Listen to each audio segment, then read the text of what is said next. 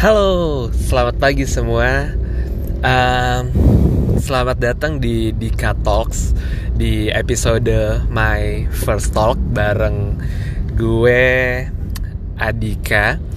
Yap, uh, ini adalah my first podcast.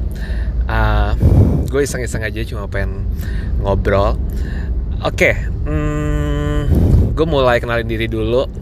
Uh, yes, nama gue Adika uh, Adika tuh uh, dari nyokap gue kasih pas gue tanya mah nama Adika tuh artinya apa sih?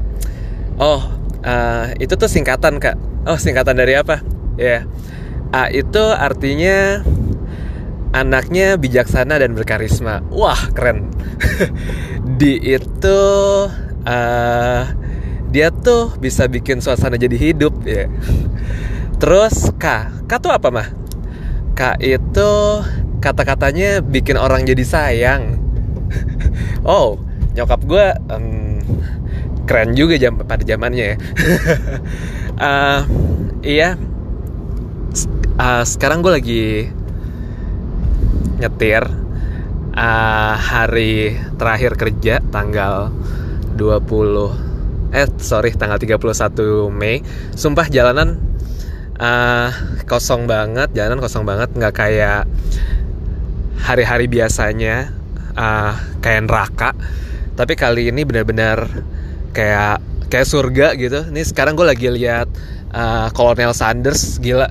Uh, sekarang kayak punya sayap angel-angel gitu. Uh, karena mungkin disenang kali ya jalanan depan KFC nggak macet. Uh, apalagi ya uh, Dike. Oh ya, kenapa gue bikin namanya Dike Talks? Uh, yep, uh, biar keren aja sih sebenarnya. Jadi gue sempet sempet cari nama kayak ngobrol santai bareng Dika, terus temen gue bilang panjang banget namanya. Oh iya udah. Terus gue bikin yang benar-benar pendek, Dike Talks. Oke, okay. uh, so far itu aja dulu uh, dari podcast pertama gue.